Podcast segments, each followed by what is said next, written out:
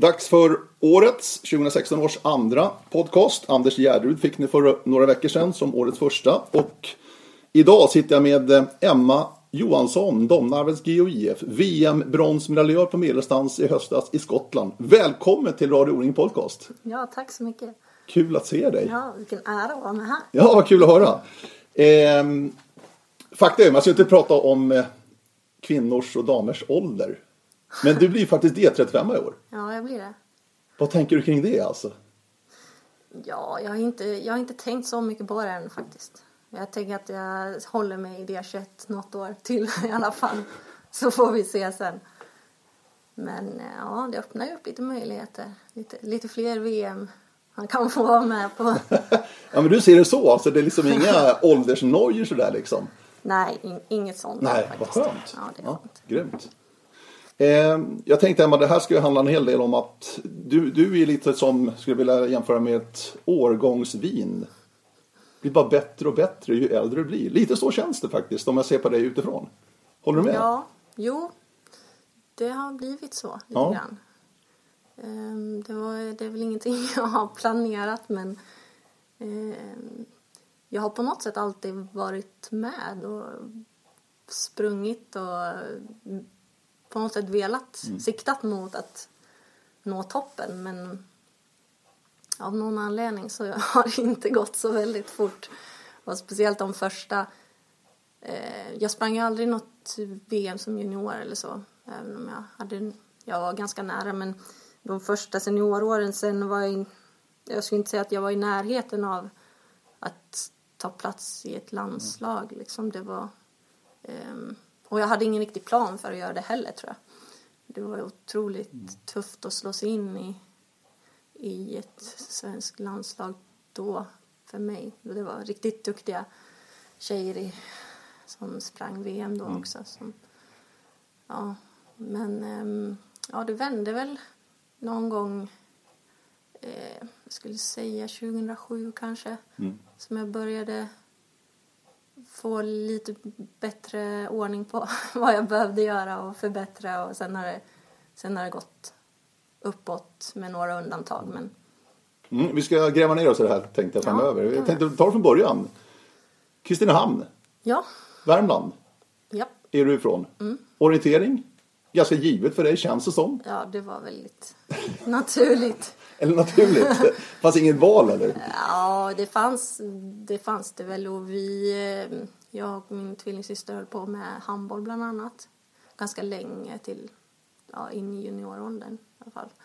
Tyckte jag var jätteroligt att kombinera och köra, få de där, ja men boll, bollsporter överhuvudtaget har jag alltid gillat också. Så det- det var perfekt. Men på något sätt så var orienteringen ändå det roligaste. Och vi hade en, en väldigt, ett väldigt stort och eh, ja, ett roligt gäng i Kristinehamn som ja, sporrade varandra och åkte iväg på alla läger och tävlingar. Och det var en väldigt bra gemenskap i, i klubben då.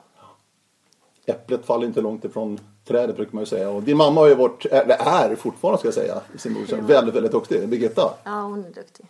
För hon har väl VM, VM, guld, Inget stafett? guld, ett Nej, silver i stafett. silverstafett. Ja, Någon, ja, kan det ha varit 72 kanske? någonting sånt ja. ja precis.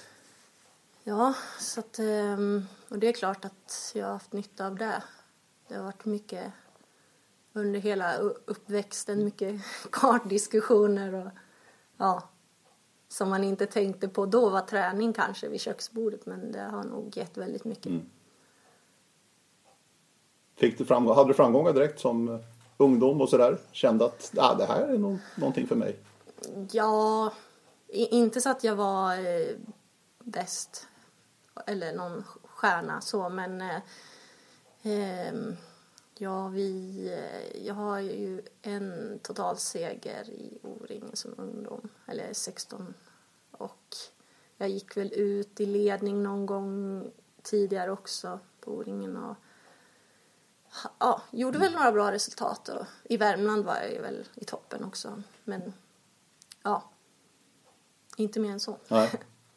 Eh, Jag kommer ihåg faktiskt, ganska väl, jag var inte speaker på den tiden, men jag kommer ändå ihåg den första svenska segern för en, ett svenskt lag i ungdomsklassen på 10 mila. Och det var ju Kristinehamns OK. Ja, Där du Emma var med. Ja, 1997. 97 ja. 92 kom alltså ungdomsklassen in då på 10 mila. Men det var finska lag och det var ett norskt lag som vann innan. Så det var första svenska segern faktiskt då 97. Eh, och det var alltså 97. Vart var vi då någonstans? Det måste jag fundera. Oj, du också. Jag trodde du hade det så här. Oj, nej. inte Eskilstuna. Ja, vi släpper det. Jag, jag, jag ska fundera på under tiden. Men vad kommer du ihåg av den här tävlingen? För att det här måste vara ganska stort ändå i, Ja, i din uppväxt det var också. jättestort för oss. Som sagt, vi var ju ett gäng i, i samma ålder i klubben och ja, jättebra ungdomsverksamhet, många engagerade ledare och att det kunde räcka till att lilla Kristinehamns OK Mm. kunde vinna en sån seger, det var häftigt. Ja. Kommer du ihåg laget? Ja, det var, eller ja, vem startade? Det var Hans, tror jag, som startade. Stämmer. Och sen Per Brolund, tvillingarna och sen Johanna, jag och sen Per Fredberg på sista. Ja. Ja, spännande. Ja. Häftig Nej, seger. vi, vi var ganska självsäkra innan också kommer jag ihåg att ja, vi visste att vi hade chansen. Sen sprang alla jätte, jättebra. Mm. Det var häftigt. Kul. Riktigt kul. 97, det måste ha varit Vilsta, ja, precis. Ja, det var det. Det är Vilsta. Ja. Eh, för då, då kom den första norska segern också på, eller inte första men eh, Bäckelaget var ändå på här sidan. Sen var det ju Sen Hallen massa efter det. spurtade väl Bäckelaget ner IKHP också. På damsidan? Nej, det var senare. Ja, det var senare. Det var också i Eskilstuna tror jag, fast Ja, senare. ja. ja men 97 i Vilsta som du var inne på. Mm. Precis, stämmer bra det. Du, eh, den här åldern då, 15-16. Hade du, kände du någonstans att ja, om tio år och så kunna ta ett VM-guld? Eller hur tänkte du på den här tiden? Vad gäller din fortsatta satsning och sådär? Nej, så långt fram tror jag inte jag tänkte riktigt. Men jag såg väldigt mycket upp till dem som, som sprang VM för Sverige och ja. Men eh, jag hade inte bestämt. Ehm, ja, jag hade nog någon dröm om att få göra det men det, det kändes väldigt avlägset då tyckte jag. Så, eh, Ja. ja, det kom nog senare. Ja.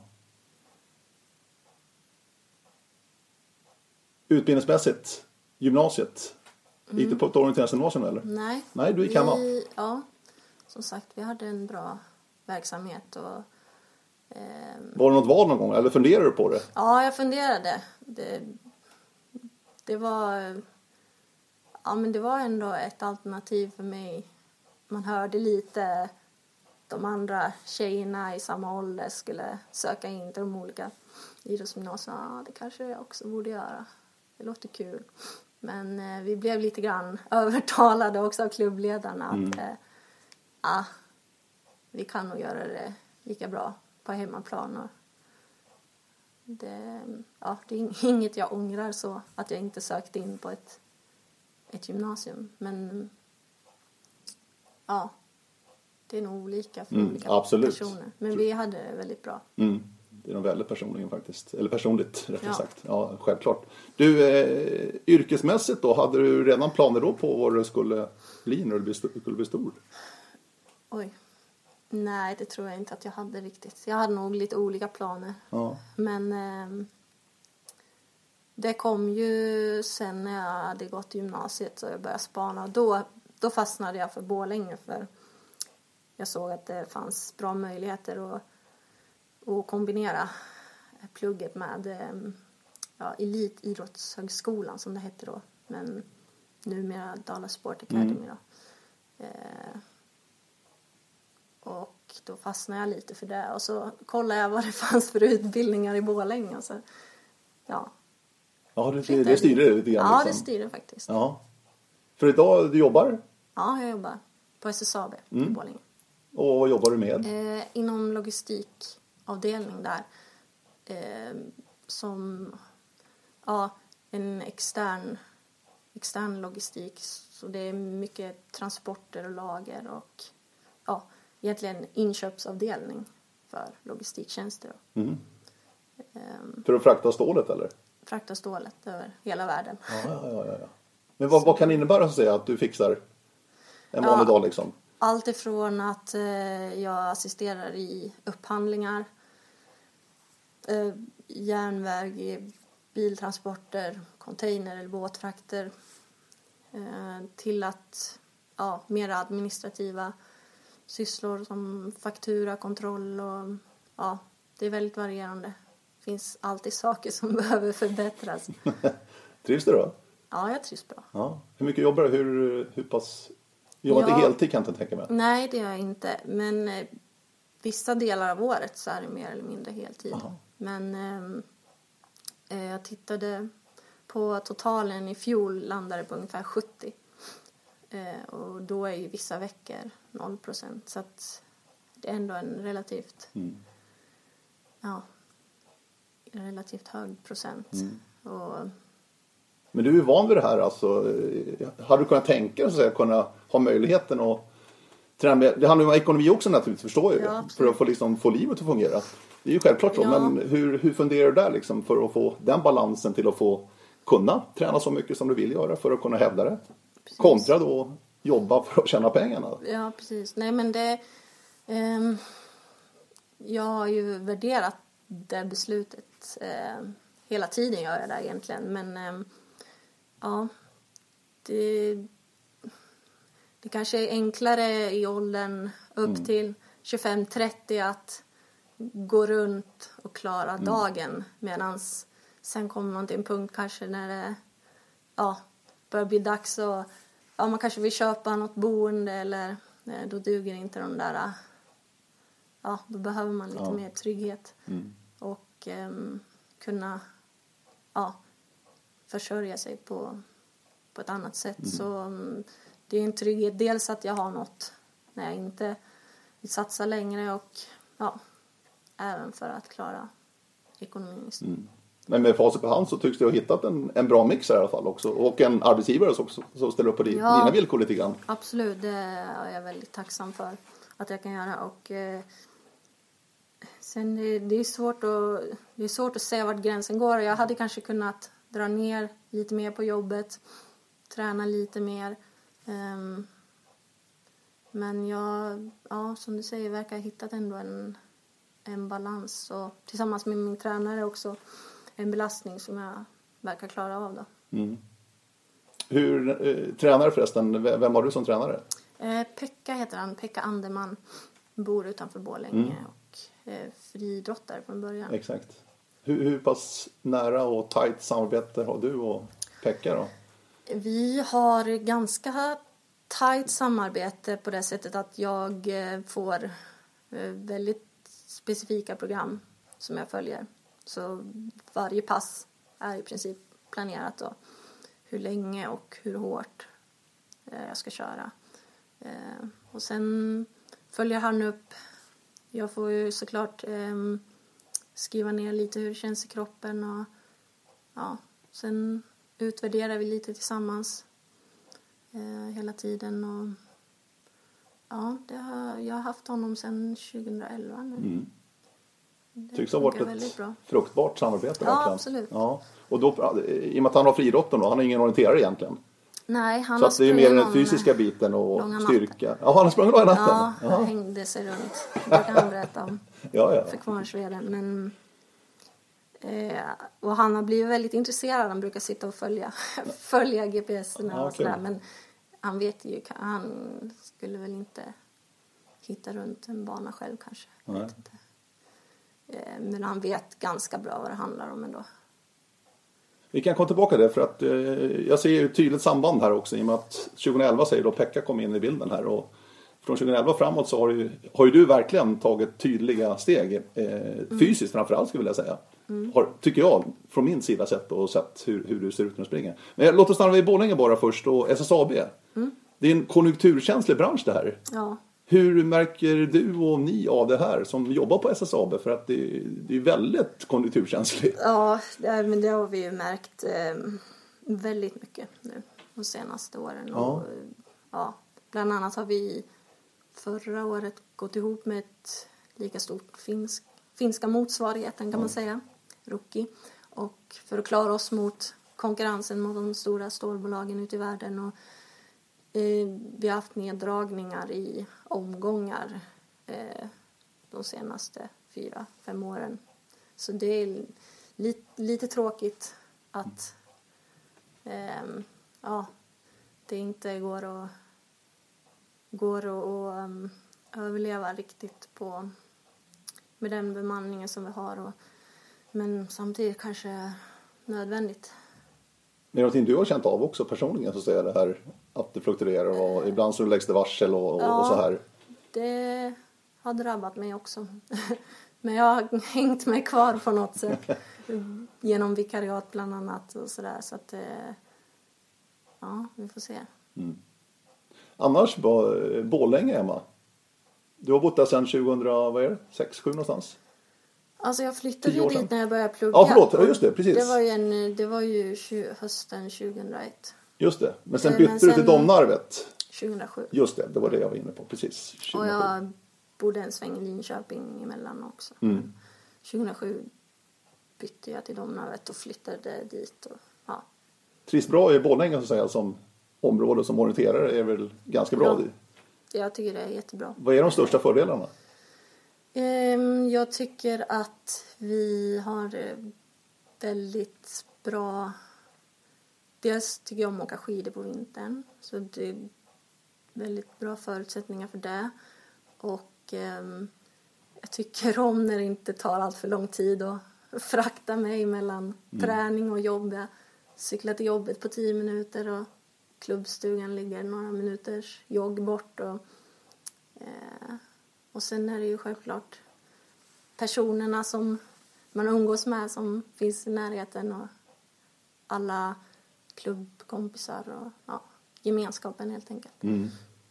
För det, det händer mycket både Borlänge och Falun också då med Dala Sports Academy som du säger som, mm. som har en väldigt livlig eh, ja. aktivitet och det händer. Ja, det är mycket. en väldigt stark tradition, eh, idrottstradition också så eh, bara de klubbarna som finns i området liksom väldigt duktiga och mm. vi samarbetar en del också.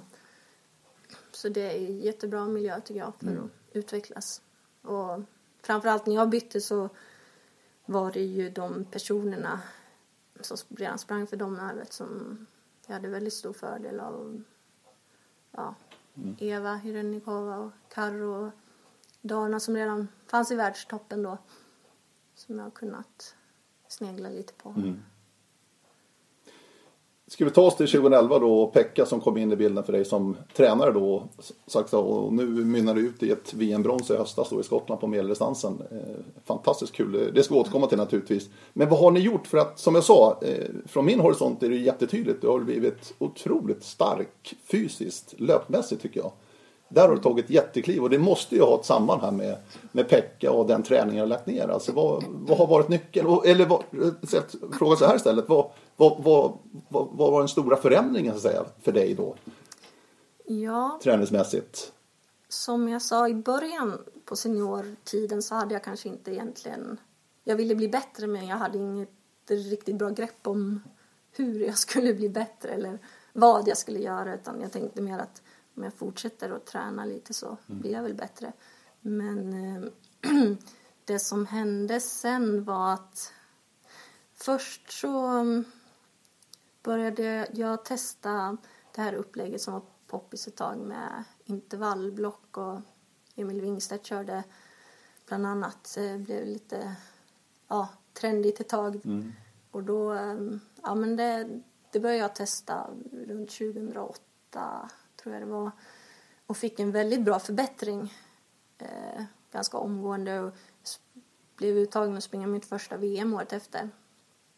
Eh, men eh, sen, sen så tror jag att jag klev över gränsen lite med den träningen och 2010 var det, var det väldigt tydligt att jag inte kunde ja, hävda mig alls. Ja kroppen svarade inte alls. Och, ja, då kände jag att nu är det dags att, att försöka någonting annat och fick tips om Pekka då.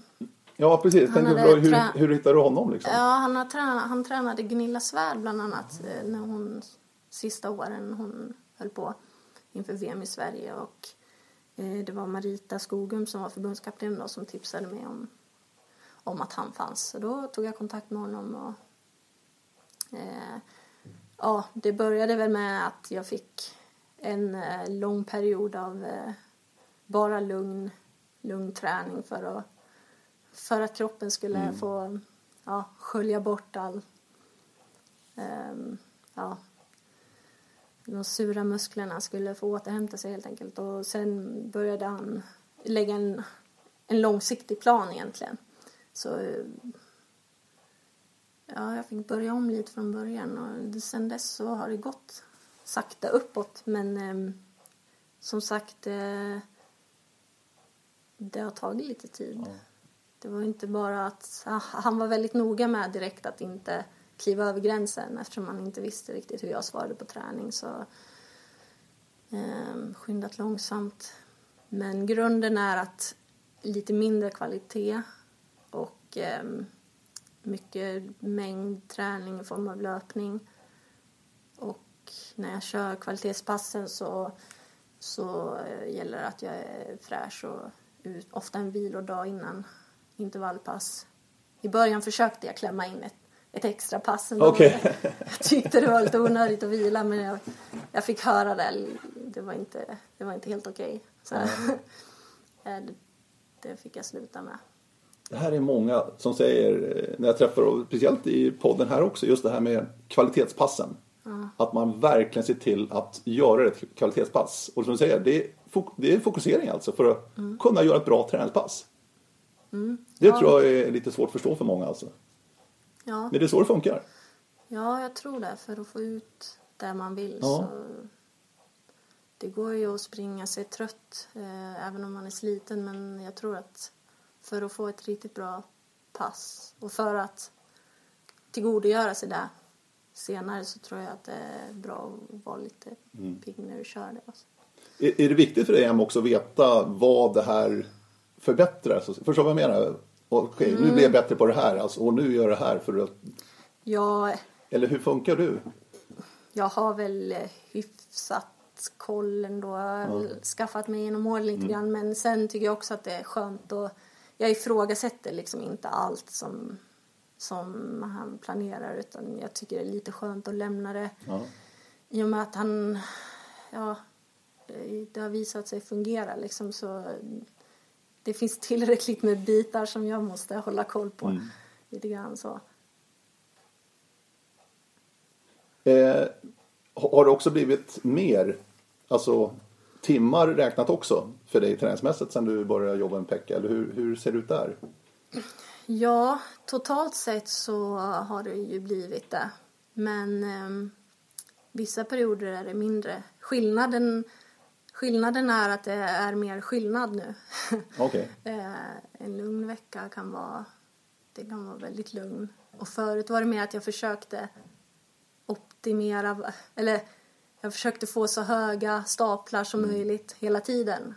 Och då kom det kanske oftare bakslag också. Och nu är det mer, eh, mer medveten styrning att nu är det lugnt. Och sen, så att totalen är mer träning och eh, mer eh,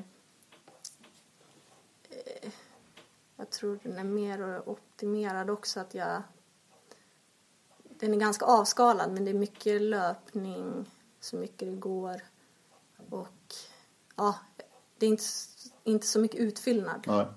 utan det som jag behöver. När, när började du känna då att det började hända någonting igen då efter 2010 som var ett risigt år för dig? Du var lite down där. Men när började du känna så att, säga, att det började komma tillbaka ordentligt? Ja, men efter den vintern så eh, kom jag ju på något sätt tillbaks i hyfsad form. Men vi hade tagit det ganska piano med träningen. Och, men eh, jag kommer inte ihåg resultaten i detalj så under det året. Men jag var helt klart på väg tillbaks.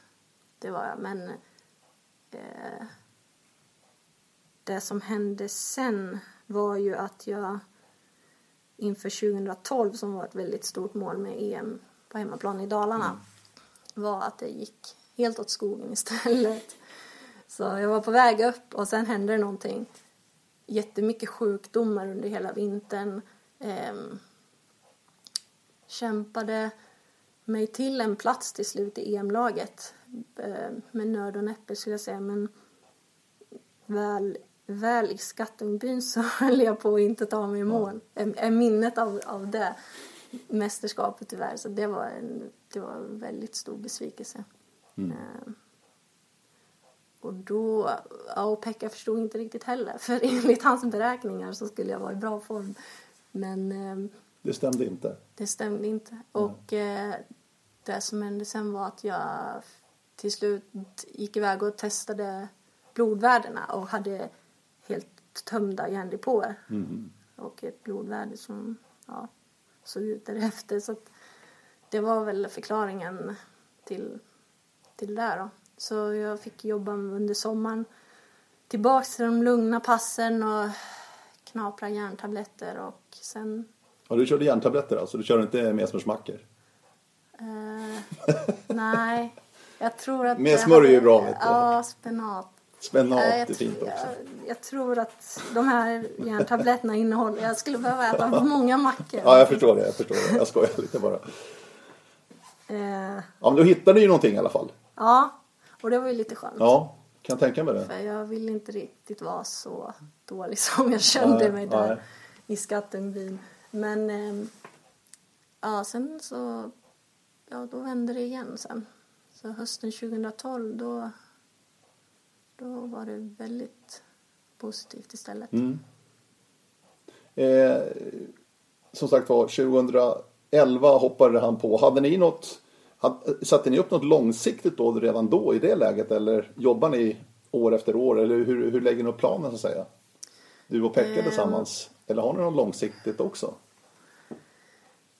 Nej, egentligen inget uttalat år så utan bara ta det i den takt som det gick. Mm. Och sen Men du får träningsprogram utav honom.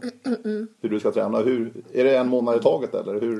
Lite olika, ofta två veckor till en månad. Eh, Det beror lite på om det är om det rullar på så kan det bli längre och sen om det är något som ja något som har strulat eller så kan det bli lite kortare.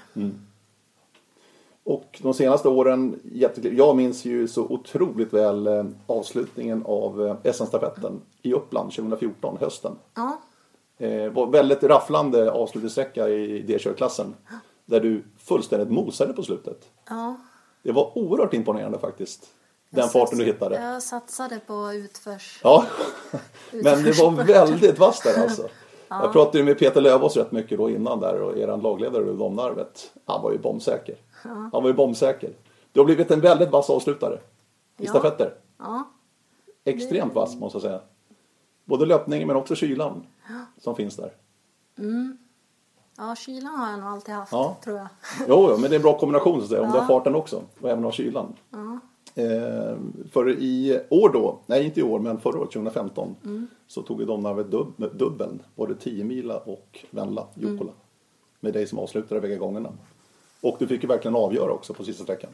Ja, det var väldigt häftigt. Vad minns du det? Det var med 10 mila, det var ju Domnarvet och Järla som hade en uppgörelse kan vi säga. Ja, precis. Det blev så. Ehm, ja, vad minns jag? Det- var en väldigt bra laginsats rakt igenom, måste jag säga. Vi var, vi var egentligen inte favoriter. Jag tror inte Nej. det var så många som trodde på oss innan. Peter Lövås gjorde det. Ja, jo, han brukar tro på oss.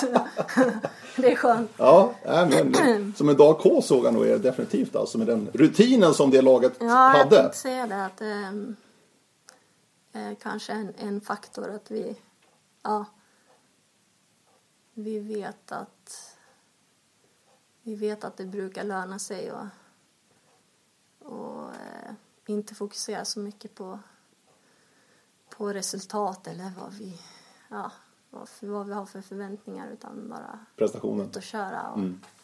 ha kul och spika kontroller.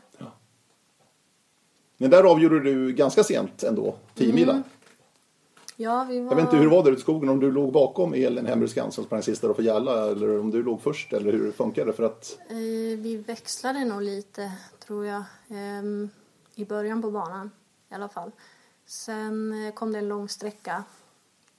Och då testade jag att gå upp och trycka på lite och kände väl att jag hade lite övertag på Elin den dagen då. Så mm, då kände jag att nu försöker jag bara stå på här så ja.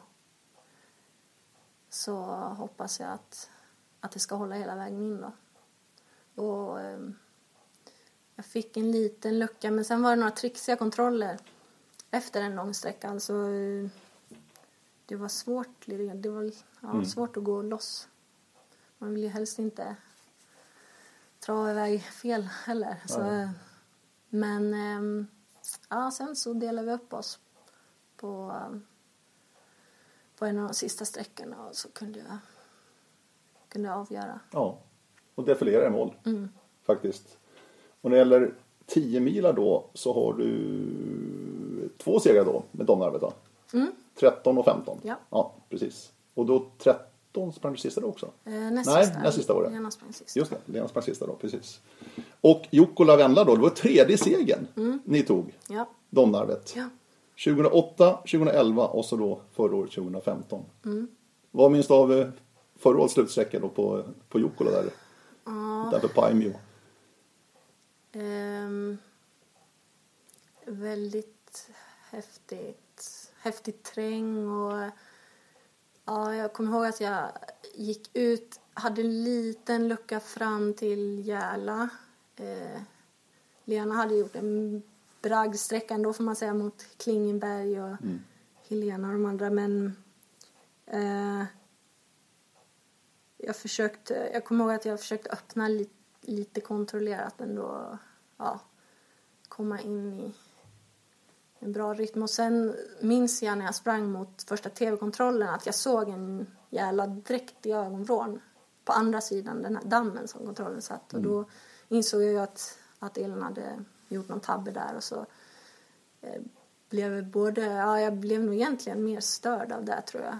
Eh, så jag höll på, ja, fick lite problem ut från den kontrollen.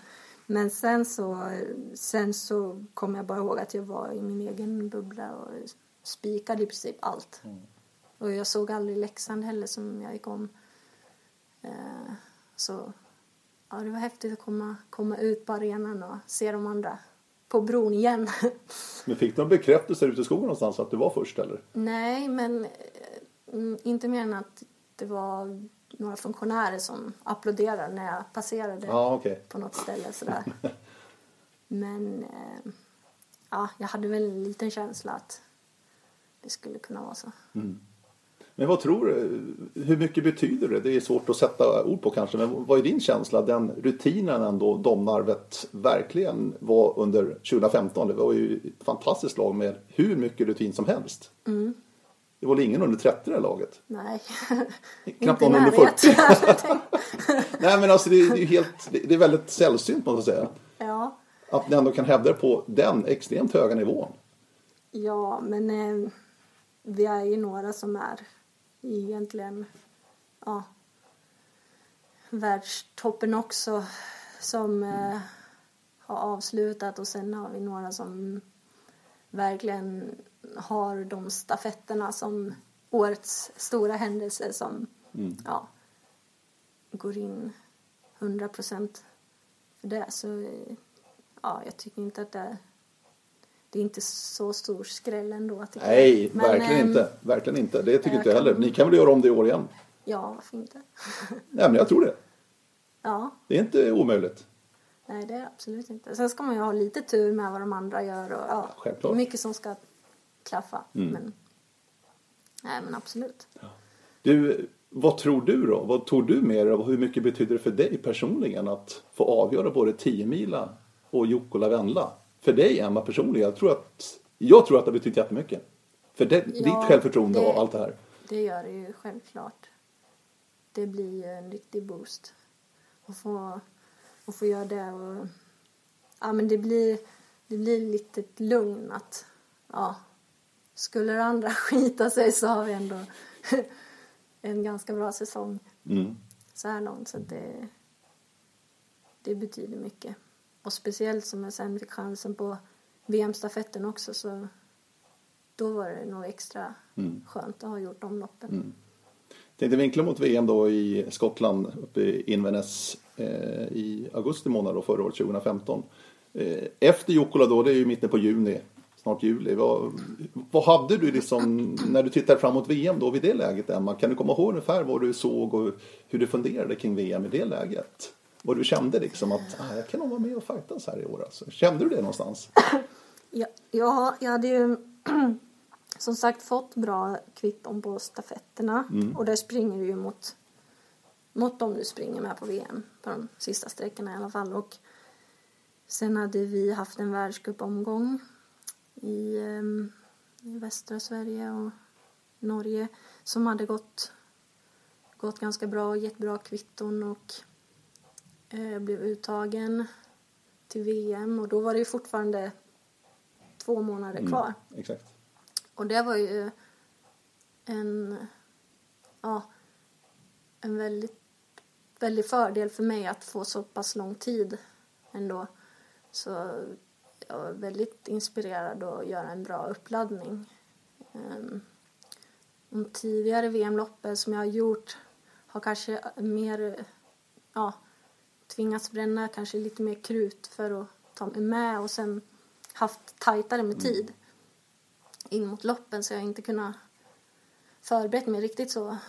Så att jag såg, jag såg egentligen fram emot förberedelserna eh, minst lika mycket som själva VM-veckan egentligen. Att nu har jag chansen att, att göra det här som jag vill liksom. Och, eh, det var, ja, veckan efter Jukkola så tog jag ledigt. Så jag jobbade ingenting sen sista perioden framåt VM och kunde satsa på träningen då. La ni upp något speciellt program då, du och, och Pekka, tänker jag, inför VM då, för att hitta den här formtoppen verkligen då igen? För att formtoppar var det verkligen, både Jukkola och teamet var det ju fantastiskt bra löpform.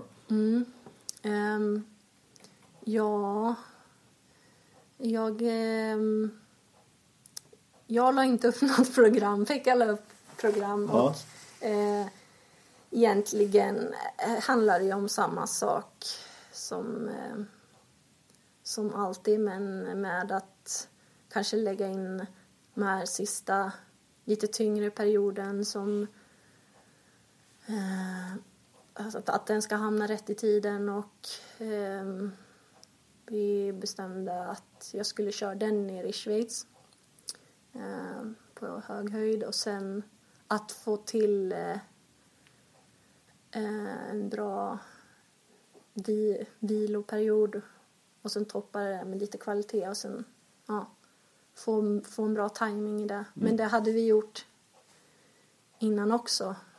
Eh, Det var inte första gången vi gjorde en sån toppning så att det, Ni har erfarenhet och det var inget vi hittade på där. Nej, just det. Nej. eh, Det hade nog Pekka ganska bra koll på hur han ville. Det hade han nog redan bestämt. Jag tror att han redan har en tydlig bild av hur han vill lägga upp det i år också. Liksom. Att- Men alltså han har en, och du också naturligtvis, ni, ni, ni, ni kan ändå se att det fungerar, att du är i bra form så att säga när du ska vara i bra form enligt programmet. Ja. Mm. Det är väldigt Det är ju skönt. fantastiskt.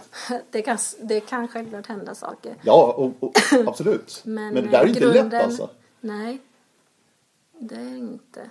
Eh, men det finns ju lite, ja. Det finns väl lite regler, om man ska säga så, tumregler Mm. att hålla sig till och sen testa, testa vad som funkar. Mm. Och jag tror att eh, det vanligaste misstaget man gör är väl att bli lite för girig in mot mästerskapet och Vad, vad menar du med det? försöka kanske göra det lilla extra. Eh, och eh, egentligen så kanske inte det ska behövas utan eh, du ska göra det du har grunden för och ja, inte kanske hitta på något, något nytt. Och, Nej. När du blev uttagen, blev uttagen på medel. Medel och lång. Och lång, exakt. Precis, medel och lång. För stafetten var ju inte uttagen till från början. Utan Nej. det blev ju sen under VM. Ja, jag var reserv, uttagen som reserv. Ja. det.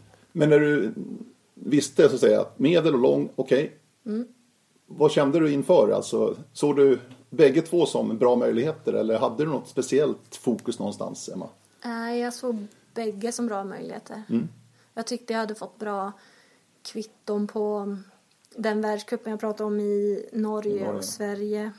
Visserligen missade jag lite för mycket på långdistansen. Jag tror jag var åtta eller någonting. Men eh, jag såg att jag hade hängt med bra och ja. Och medeldistansen var jag trea på. Jag såg dem som lika bra chanser egentligen båda. Mm. Eh, kanske att jag såg fram lite mer emot långdistanser som vi visste skulle gå i den här typiska skotska fina terrängen. Ja, kuperad hed, hedterräng. Ja, precis. verkligen. Ja, det var häftigt. Kommer till Skottland då. Mm. Och känner att, ja, det känns bra. Eller vad kände du? Ja, nej, men det var ju som jag sa, vi gjorde, jag fick planen efter Jukkola sista två månaderna och jag kunde bara bocka av passen liksom. Ja. Eh, inga problem alls på vägen så att det var ju, ja. När jag väl kom till Skottland så då ville jag egentligen bara köra. För att det inte skulle hinna hända någonting. Eh, jag kände mig väldigt redo och jag kommer ihåg att jag och Olle bland annat, han var också väldigt ivrig att komma igång. Vi hade lite springtävlingar första dagarna så vi fick vänta lite. Men... Ja, det är ju sprinten i början och den var ni Nej, precis. aktuella, inte aktuella, men ni, ni sprang inte det helt Nej. enkelt. Så det var lite, ja, vänta lite på. Men eh, det var bara att, bygga upp och dra nytta av den. Hur, eh, om vi kommer till tävlingsdagen då, hur fungerar du? Har du speciella rutiner, Emma, som måste ha gröt på morgonen liksom, och sådana Nej. saker? Eller? Det spelar ingen roll. Ja, det spelar ingen roll. Jag, det blir lite som det blir faktiskt. Ehm, jag tror att jag är... Ja, man har väl lite grundrutiner men eh, Det är lite skrockfull på något sätt. nej, inte alls så. Och, eh, ja, jag är nog redan lite inne i, ja, i tävlingsmode så eh, jag bryr mig inte så mycket om vad som händer runt omkring. Eh, brukar sitta i karantänen och Gör ingenting iaktta, eller? ja, det. lite så. Ja. Halvt frånvarande och se lite på vad de andra sysslar med. Ehm, Men ehm, ja, jag tycker att det ska gå att prestera oavsett vad du har gjort Mm. timmarna innan. Så Ja. Och så VM-loppet då. Medeldistansen. Också i ett väldigt läckert område. Mm. Eh, lurigt dock. Jag var ute och sprang dagen innan. Jag var förvånad att det var mycket lurigare än jag trodde. Alltså, det ser ganska lätt Ja, ut på kartan. Men ja. det är som att vissa lägen springa nattorientering på dagen lite grann. Alltså man, man har inte den här överblicken som man... Nej, Känslan man fick man såg kartan. Mycket undervegetation. Ja, det är dessutom det. Ja. Så ja, jag håller med. Det var svårt att få koll på brunbilden på grund av att det var så mycket buskar. Och, Ja. Men eh, du får på, alltså du kör. Du Mm. får kartan och, ja, och rullar igång och, och liksom, du får ju kontrollen i början. ja, väldigt bra. Ja, Ja, det finns väl egentligen inte så mycket att säga men... Nej, men du gör ett jag- jättebra lopp ja, alltså. det gör jag. Eh, jag känner väl det också att... Ja, det, det funkar. Det, som jag har tänkt och kroppen känns bra. Ehm, kan hantera, se lite löpare, kommer ikapp några. Ehm, men det är ingenting som stör mig egentligen. Ehm, Du håller till din gameplan Ja, helt enkelt. Och det är bara att rulla på. Ja. Och du får kontrollerna. Ja. Fram till den här sista. ja, fram dit. Ja. Du gör ju ett fantastiskt bra lopp alltså. Och där, där, där försvinner guldet. Så enkelt är det. Ja, lite så. Ja men så är det ju definitivt. Och det är ju inte bara du, även Thierry Chouchou tappade ju guldet där, precis på samma ställe. Ja, okej, ja. Ja. Jo, han var också inne där i Jajamän. buskarna. Ja. Vad, vad har du för minnen av det här? Alltså, det, det är svårt att förklara när, i radio så här så att säga. Men ni går över en liten väg, två, genom två grindar kan man säga, grindöppningar. Över en liten väg och så kommer du upp och så är det inte mer än 50 meter bort kontrollen ungefär efter det här grindhålet. Nej. 70 kanske. Ja, max 70. Ja, ja det, är, det, det är ju en D12-kontroll kan man säga. Ja, ja det är det ju. Det är staketslut. Ja. I ett grönområde, i Eller en ja, grönskant. jämt- det är ett häckslut. Häckslut är det. Eh, Ja, Men den sitter längs ett staket. just det. Så det är som ett staket bakom. Ja. Uppfångande. Ja. Ja. Precis. Ehm, Men du, har, du tycker att du har koll på lägen när du går över vägen här i alla fall? ja, jag har väl inga som helst tankar på att det inte ska gå att ta den kontrollen. Jag förstår det. Eh, jag, ja, jag går över vägen, viker in från stigen mot staketet som jag tänker att jag ska Följa. följa, några meter och ta kontrollen. Men det som händer är ju att staketet inte riktigt finns. Det ligger på backen kan man säga. ja, Nedtrampat. Ty- Det är en tydligen. taggtråd bara tydligen. Eller Ja, en ståltråd eller liknande. ja, Ja. något sånt. Och jag försvinner liksom...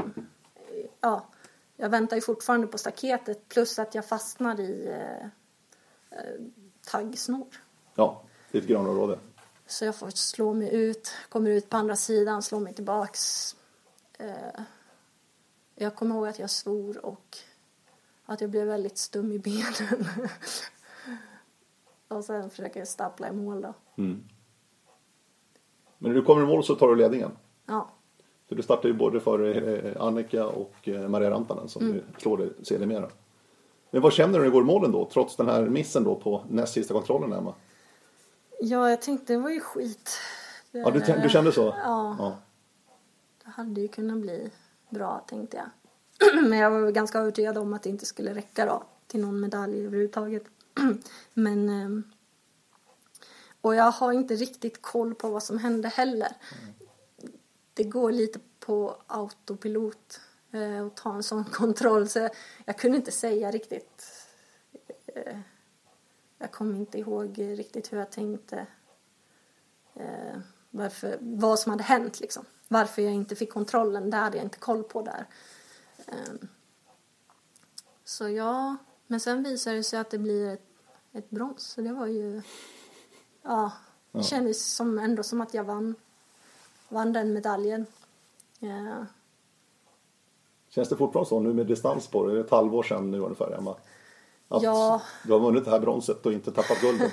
Ja, men det, det gör det. Jag är jättestolt över eh, både loppet men sen som jag beskrev hela vägen fram. Att ehm, ja, jag gjorde det så bra jag kunde och ehm, det är inte alla som, som får en VM-medalj Verkligen eh, inte. som belöning så att det, Då vill du dela pallen med Annika också. Som tog Ja. sitt andra raka guld på Precis. medeldistans. ja, så det var kul. Då fick jag fira lite extra också tillsammans med henne. Ja, jag förstår det. Så Men vad tror du här har, har betytt ändå? Liksom att du har ändå visat nu att jag är, jag är i världstoppen. Mm. Nu inför kommande säsongen och ett VM i Sverige nu i år. Och liksom där tänkte landa nu. Ja, Vad det här kom, kan komma att betyda för dig Emma? Eh, självklart så kan jag ju se tillbaka. Och, ja, dels förberedelserna som jag gjorde, att det stämde så bra och hela VM-veckan kan få mycket energi av. Eh, speciellt om det att det gått lite tungt eller ja, att, ehm, att jag kunde prestera så pass bra då. Men ehm, det är ju inte på något sätt så att jag kan luta mig tillbaks i soffan. Eh, utan det försöker att försökt att hitta ytterligare några bitar som jag kan slipa på. Mm. Försöka få det ännu lite bättre. Och det spelar ingen roll medeldistans, långdistans. Det är, som du sa inför Skottland också, egentligen var det båda. Ja, Fokus på båda där. precis. Det blev det medeldistansen du lyckades på. Ja. Långdistansen kom efter också. Ja, den kom några dagar senare. Ja. Eh, Ja, idag så förbereder jag mig lika mycket för eh, alla skogs, skogsdistanser egentligen. Mm. Eh, ser fram emot Strömstad, Trängen. Jag förstår det, det är många svenskar. Men det är ju fantastiskt fin terräng. ju. Ja, Det är läcker orienteringsterräng. det passar oss bra tror jag. Ja, det tror jag också. Passar norrmännen också bra. Ja, det kan de behöva. Ja, just det. har, du några, har du några stationer längs med vägen nu för att liksom checka av att du ligger i fas inför VM i Sverige då under året? För det är ganska intensivt år det här. Ja, det är förnamnet. Ja, det är extremt mycket för er alltså. Ja, Om man ska vara med på allt så blir det väldigt mycket. ja, då får man stå i. Eh, ja, EM kommer jag springa i Tjeckien eh, i maj. Mm, och det blir en bra avstämning. Och sen kommer jag försöka sålla ganska hårt i vad jag ställer upp i i övrigt. Men det brukar fylla på ändå ganska bra. Men eh, mig passar det att inte, att inte tävla hela tiden för att få synka, synka träningen på ett bra sätt. Så eh, jag, behöver, jag behöver återhämta mig efter en tuff helg med Swedish League-tävlingar och då det blir lite för mycket av och på kanske om jag ska vara med på allt under våren. Så att, ehm, den fick jag... Jag fick prioritera bort bland annat finalhelgen förra året. Och det var inget man gjorde frivilligt när Nej. man såg kartorna. Ja, jag förstår det. Läcker terräng och Mm. även en chans att vinna lite pengar. Ja. Och det, den chansen har man ju inte så ofta. Så. Och hur ser det ut till våren här och är det Swedish League? Hur, hur ser planeringen ut för det då? Eh, jag kommer springa några deltävlingar. Eh, bland annat de nere i Brösarp. Eh, jag har inte spikat helt Nej. exakt men förmodligen ett par stycken i alla fall. Mm. Det brukar vara bra tävlingar. Kunna stämma av. Mm. Du måste ju prestera naturligtvis, men du sitter ju i en ganska privilegierad ställning nu också i och med att du, nu är du med i A-truppen. Det är inte så många damer faktiskt med i själva A-truppen längre. Nu har Annika slutat också. Ja, Så är det ju ganska få tjejer. Så att, eh, jag menar med Håkan då som eh, förbundskapten och vet vad du går för. Så att den tryggheten måste ändå kännas rätt skönt att veta att visst, du måste prestera, självklart, men ändå ganska given på något sätt. Förstår Ja. du hur jag tänker? Jag förstår hur du tänker. Jag tänker nog mer att jag är trygg i att om jag är på den nivån som jag vet att jag kan så, så räcker det. Jag tänker nog mer så än att jag är, är förhandsuttagen utan det presterar jag som, som jag kan så, så tar jag Mm. så är jag med. För det är ju världscupen där också i maj månad, nere i Polen till exempel. Mm, eller är den i april till och med? Ja, månadsskiftet är april-maj tror jag. Mm. Ja. Och sen är det 10 mila och så är det EM. Det är jättemycket alltså. Ja, sen har vi testerna efter det. Ja. Så det gäller att... Ja, jag tror inte man kan Springa allt. springa på allt riktigt. Man får välja sina, sina lägen Ja. Hur har du gjort då av prioritering? Sprint? Mm, Det springer inte du alltid. nej, vä- väldigt sällan. Väldigt sällan till och med. Vad, vad beror det på? Ja, ehm, det beror lite på att jag,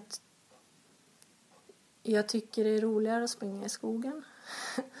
Och även att jag hade haft problem med den häl som jag fick inför VM i Finland när jag först var uttagen på sprint. Och tränade ganska intensivt några veckor på hårt underlag. Och sen har jag fått varit väldigt försiktig med det här. Så att, ehm, då har det varit naturligt att ja, välja bort den lite grann. Och, ja. Det är också så här, man får välja lite var man lägger krutet. Ja, jag förstår det. Absolut. Det är så mycket ändå. Ja, Ja. Det är bra att kunna välja bort sånt i så fall. Men du springer sprint ibland. Mm. Ja. Det händer ju. ja. Du, eh, har du satt något mål inför VM? Personligen? Eh, resultatmässigt menar jag. eller, ja, vad- tänker du när du tänker VM i Sverige? För din egen del? Ja, jag tänker eh, folkfest och Ja. fin terräng och... Eh, nej, jag har inte satt upp någon, eh, någon specifik målsättning så. Eh, men jag ser ingen anledning att jag ska ha, ha lägre förhoppningar än vad jag hade inför Skottland om man säger så. så Nej, det är bra. eh, jag vill vara med. Mm. Fightas. Du, avslutningsvis. O-ringen. Mm. Du sa att du hade en totalseger där i, eh, som ungdom. Mm. Hur ofta har du sprungit O-ringen nu de senaste åren? Ja, Hur, hur viktigt är O-ringen för dig? Vad betyder det för dig rättare sagt? Det betyder mycket. Och Vi sprang ju O-ringen eh, varje år eh, som ungdomar och sådär. Men eh, de senaste åren så har det hamnat lite i kläm får man väl säga. Och i fjol så valde jag att inte vara med. Det låg eh, lite för tätt inpå för att det skulle vara optimalt för mig. Mm. Ja, det är en häftig tävling. Jag skulle gärna vilja komma till O-ringen och vara toppad och ja, satsa på det ordentligt. Men att eh, bara att köra igenom det som en del framåt ett mästerskap blir lite för tufft för mig. Där ser man vad personligt det är verkligen alltså. Annika körde ju O-ringen. Mm. Eh, och vann sen VM-guldet. Hausken Norberg körde också VM. Mm. Nu vann inte hon någon VM-guld i sig. Men det, det, är så otroligt individuellt det här. Ja, Hur man fungerar och hur man vill ha uppladdning och annat alltså. ja. Men även där är Nej, ju men jag också... känner väl lite att det är fem dagars... Jag gör aldrig under hela året en sån vecka Nej. i övrigt. Så att chansa med den så nära inpå blir svårt. Mm. Men det är synd, det skulle vara kul att, kul att kunna vara med. Men i år kan du vara med för ni ska ha en pre-camp. Ni behöver inte springa tävlingar men ni ska ha en pre-camp i alla fall under Ja, O-ringen i. Sälen. Ja. Inför VM i Sverige. Nu är jag ju lite inblandad eh, från arrangörshåll så att jag tror inte att jag kommer springa i år heller. Nej. Men, ehm, Du får med och ta del av folkfesten. avundsjuk, jag är avundsjuk på de som får springa för att eh, jag gillar orienteringen i Sälenfjällen. Mm. Vad har Domnarvet för uppgifter där under O-ringen då? Ja, eh, vi har lite olika men eh, jag tror det är en del som är tävlingsexpedition, eh, mountainbike-orientering, lite spretigt. Jag ska faktiskt vara med, eller jag är med i barnläggargruppen så jag kommer lägga en, kommer lägga sprinten faktiskt. Jaha, sådär ja. Mm. ja. I Lindvallen. Ja. Det blir nog trevligt. Ja, Ja, det blir jättebra med Sälen. Det var ju succé 2008. ja. Var du med då? Ja, det var min världscup. Det var ju världscupen, ja just det. Just. Så jag har väldigt bra minnen. Faktiskt. Ja, det var fina tävlingar. Det var väldigt, väldigt läckert faktiskt. Mm. Det var då jag slogs av hur, hur duktiga schweizarna är på att springa utför. Ja, Det var nog i hästväg verkligen där uppe vid Hundfjället. Det var så tydligt på Ja, slutet det. när de kom ner där. Det var helt ja det var extremt. downhill där. Ja, nej, det var, de var väldigt skickliga alltså. Jobbar du för att bli snabbare ut? Du, du är duktig på att springa utför. Eh, Ja, jag tror att jag är relativt bra Ja, jag tror också det. Jag tänkte bara när stafetten där i Uppland, alltså när Mm. jag var ute där, du bara, du bara försvann för dem. Ja, precis.